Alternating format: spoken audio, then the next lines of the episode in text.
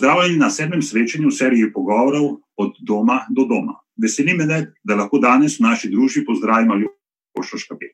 Aljoša je pobudnik prvega slovenskega zbivanja ovirane, si, in mobilne aplikacije Ljubljana by Wilčer. Nezgoda in lastna izkušnja sta ga namreč usmerili na pot boja za dostopno grajeno okolje za invalidske vozičke. Zato svoje poslanstvo namenja temu, da se svoboda gibanja lahko dejanja tudi za ljudi z gibalnimi ovirami. Ali oša, pozdravljeni.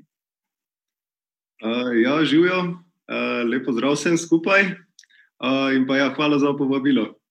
Ja, ni zakaj. Uh, kako se je po, po nesreči spremenil odnos ljudi do vas in s kakšnimi predsodki se pravzaprav soočate? Kaj je prav, največja napaka, ki jo ljudje lahko tudi čisto dobro namerno naredimo, ko se srečamo z ljudmi na vozičku? Uh, ja, zdaj, na začetku, v bistvu, nekako tudi jaz sam svojih prvih 27 let, še pred poškodbo, uh, sem nekako živel, uh, oziroma ja, dejansko nisem imel nobenega bližnjega uh, na vozičku, tako da problematike v bistvu nobene niti nisem poznal. Uh, bi mogoče začel s predsodki, v bistvu tudi sam sem dejansko imel, oziroma ja, lahko tudi rečemo neke predsotke. Recimo, nisem pričakoval, da nekdo, ki je na vozičku, lahko tudi sam samostojno vozi avto, kar je ja, dejansko, mislim, sem še zdaj navdušen nad tem. Uh, se pravi, da se sam presedem v avto, si zložim voziček not in se odpeljem, kamor pa želim.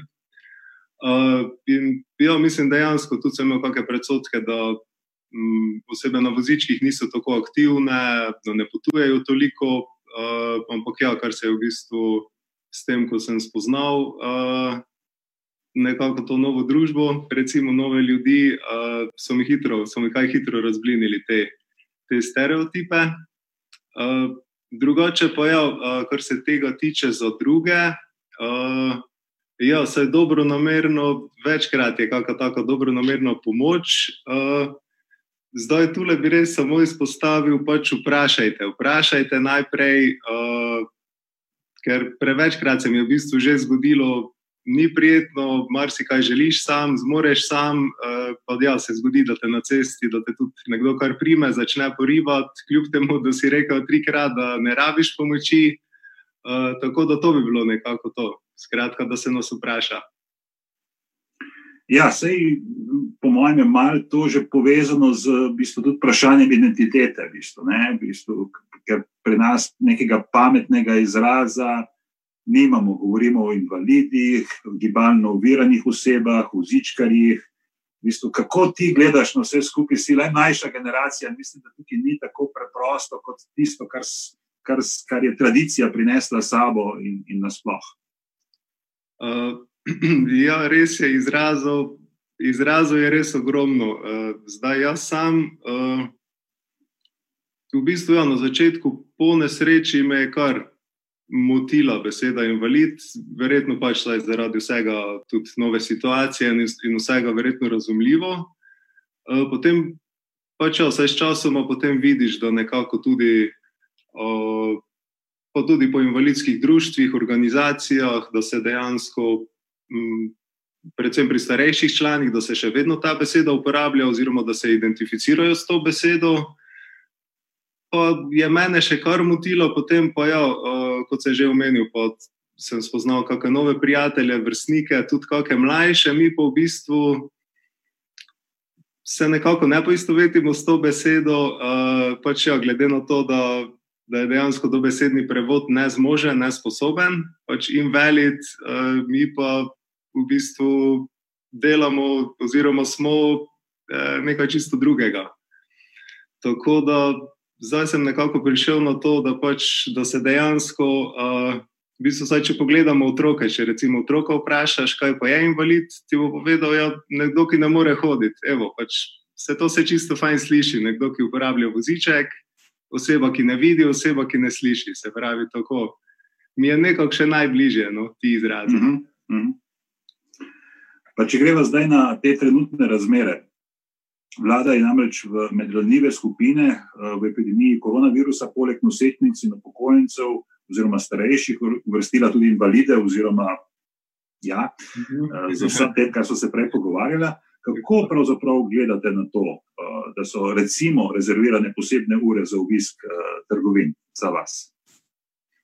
Uh, ja, tale, tale ukrep je verjetno na začetku bil kar smiseln. Uh, sicer po trgovinah takrat nisem kaj hodil, ampak kot sem lahko videl po medijih, je bil verjetno kar kaos in je bilo potrebno neko rešitev sprejeti. Uh, se mi pa zdaj, že v bistvu po vsem tem času, pa nekako normalizaciji, pa se mi reže zdi, da bi lahko to spremenili, odpravili, kako drugače, uh, tudi uredili. Uh, zdaj ta samo, samo ta ureditev me v bistvu tudi moti. Pač mene osebno, uh, ker nas spet, nas spet nasmečajo ven, uh, ven in isti koš, se pravi, invalidi kot invalidi, pa ja, kot sem že omenil, to je nekdo, ki ne sliši.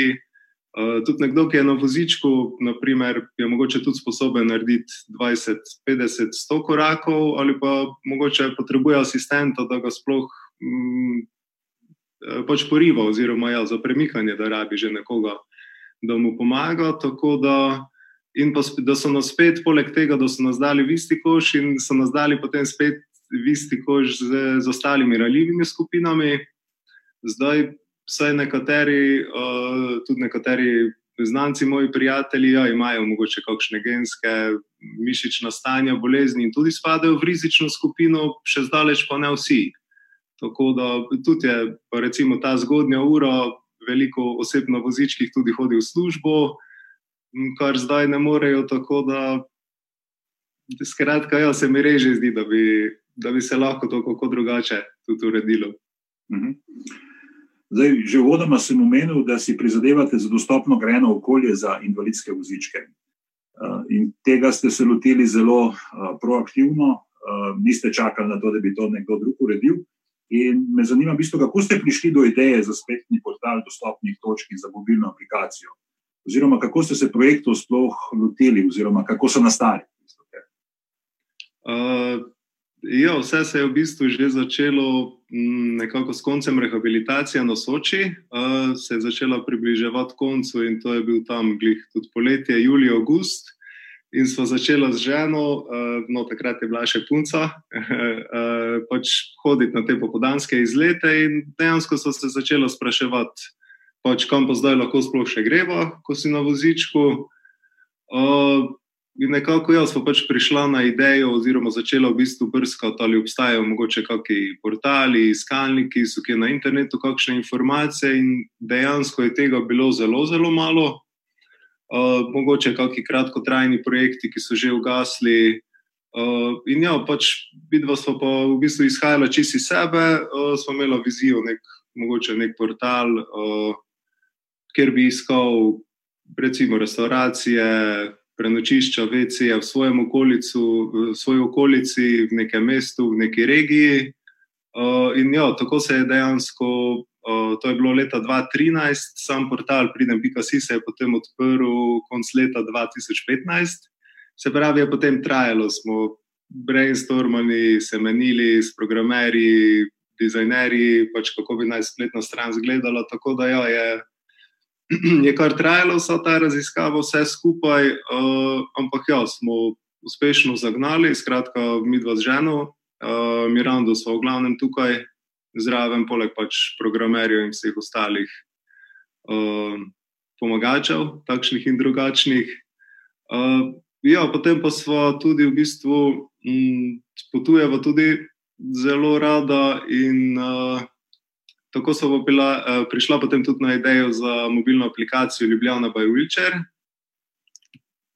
Ne vem, če se vidi, evo, Ljubljana by Wheelchair. Uh, ker je pa bolj, v bistvu so bolj tudi uh, strnjene, specifične informacije, predvsem za nekoga, pač spet so izhajale iz sebe, se pravi, turist, če kam želi iti uh, in je na vozičku, pač kaj vse, kjer vse informacije potrebuje, uh, tako da so dejansko pač vse preverila, zbrskala in ja, upava, da je zdaj vse na enem mestu zbrano v tej aplikaciji.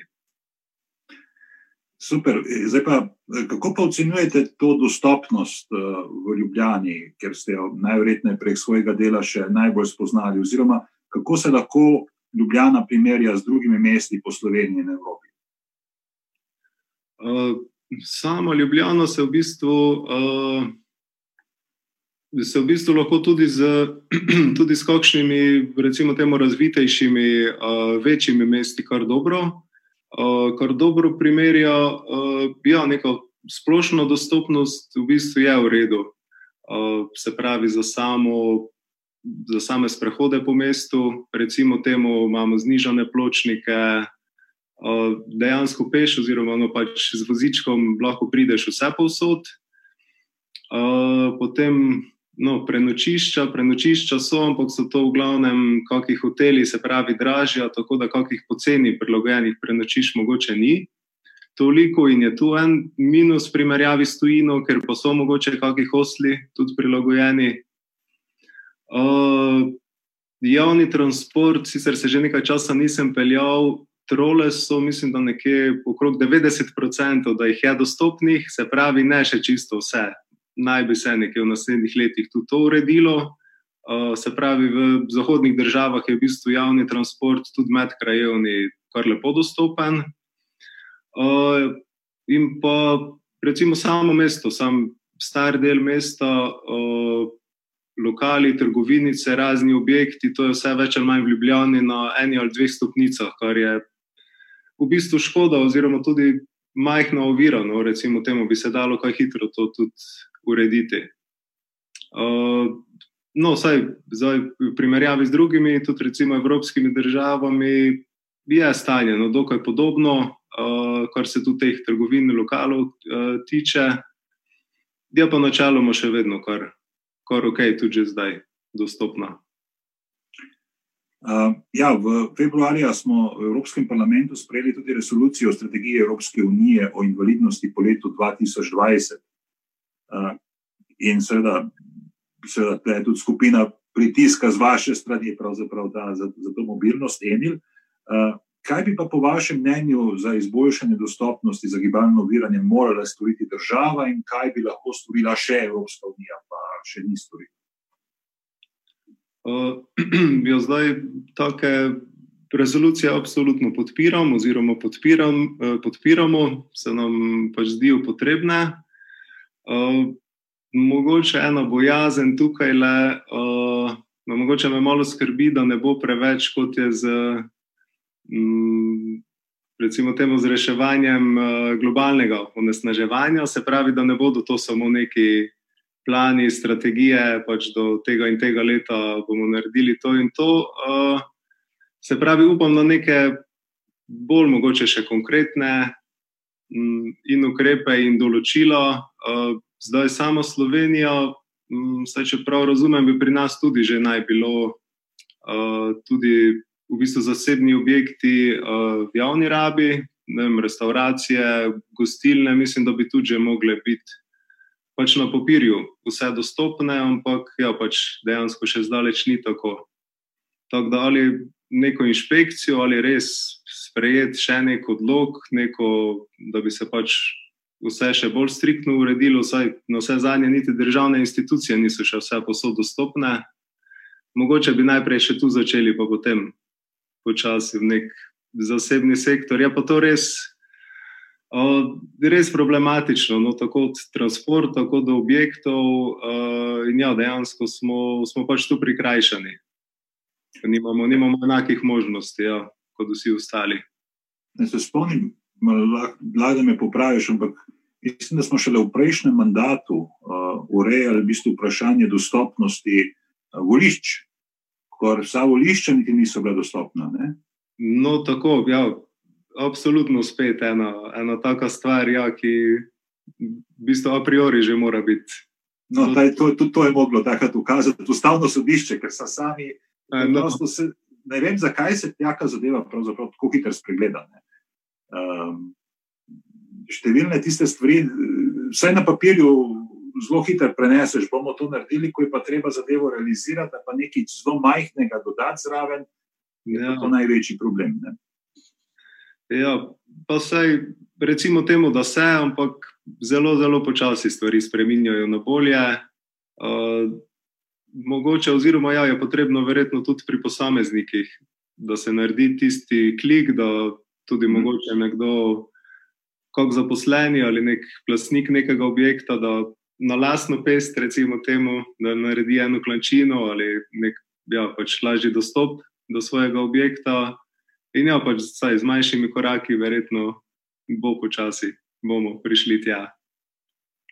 Ja, v bistvu tisto, kar se da tudi na nek način reči, ne, da so mnogi lokalni institucije, da si prizadevajo omogočiti dostop z invalidskim vozičkom, pa vedno je vprašanje, še vedno so to vedno prave rešitve. In tisto, kar, je, kar bi bilo nekako logično za pričakovati, da bi se kdo z vami posvetoval.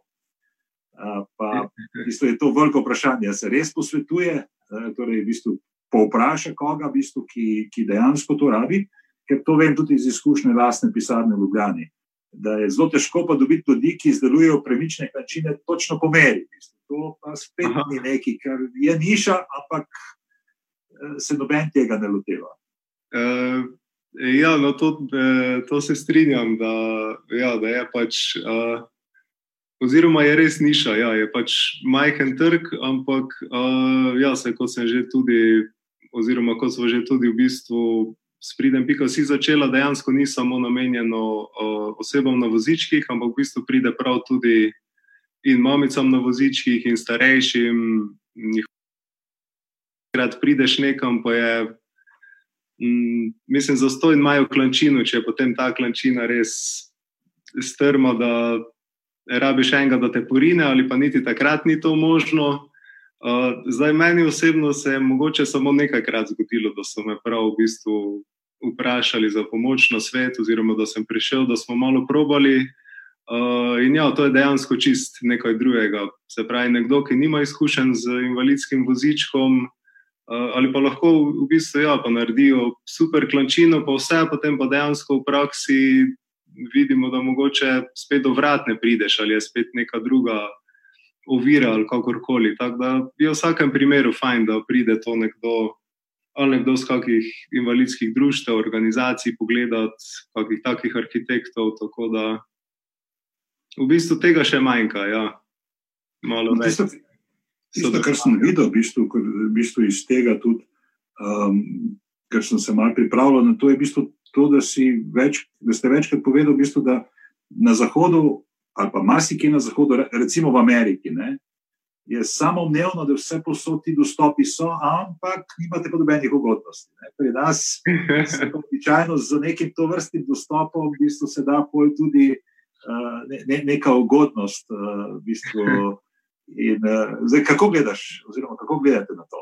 Ja, uh, ja, v Ameriko smo rešili, uh, v bistvu mislim, da je to bilo kar prvo eno tako večje uh, potovanje v kratkem po nesreči, pač da probava, uh, prvi vrsti, da probava samo letalo, da tudi malo daljši let, kako se to skupaj izgleda v praksi.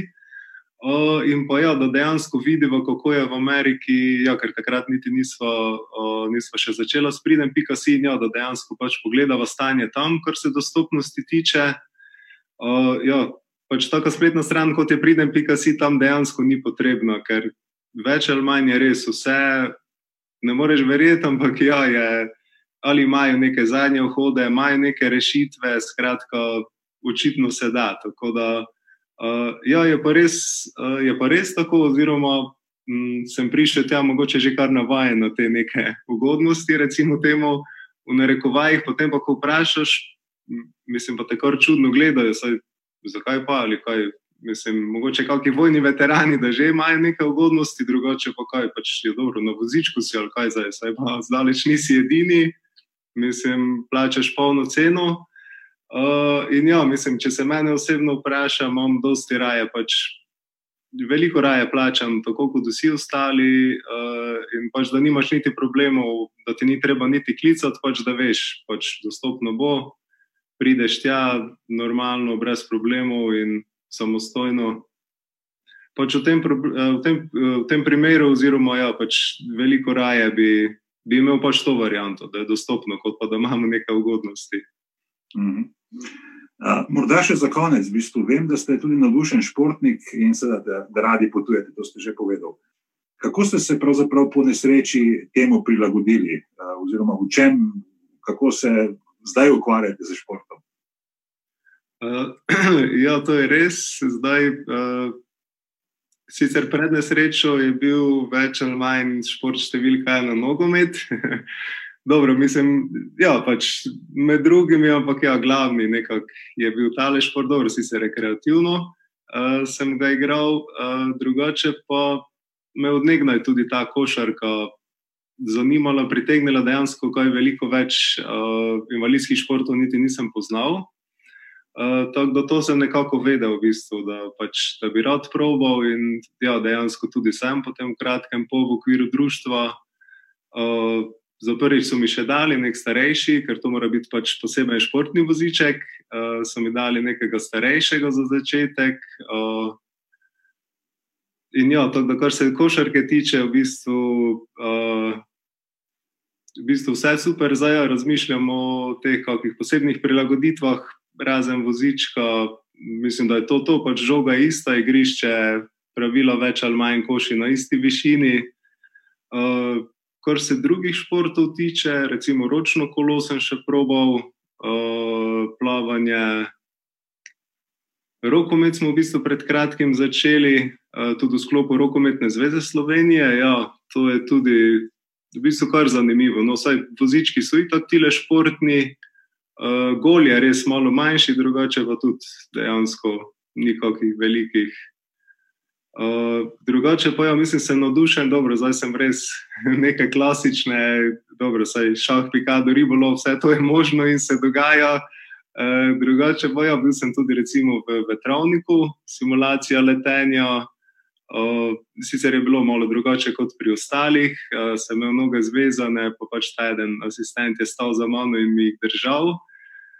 Uh, ja, drugače pa tudi sem videl, da skačejo s podalom, potapljajo se. Skratka, dejansko pač ja, vsi, vsi športi so možni, marsikaj me še čaka. Smučanje, recimo, sem že probal, uh, je pa tu še tudi ogromno ja, enega prostora za, za probanje.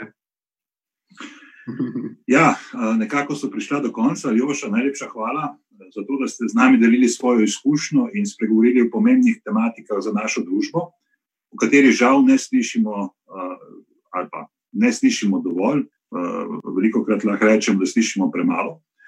Drage gledalke in gledalci, vas pa vabim, da ostanete skupaj doma tudi ta petek, ko se bomo v istem času na mojem FB portalu pogovarjal z Juanom Morenom, Mariborčanom, poznanim pod delkom Bogi Španec. Pridružite se nam.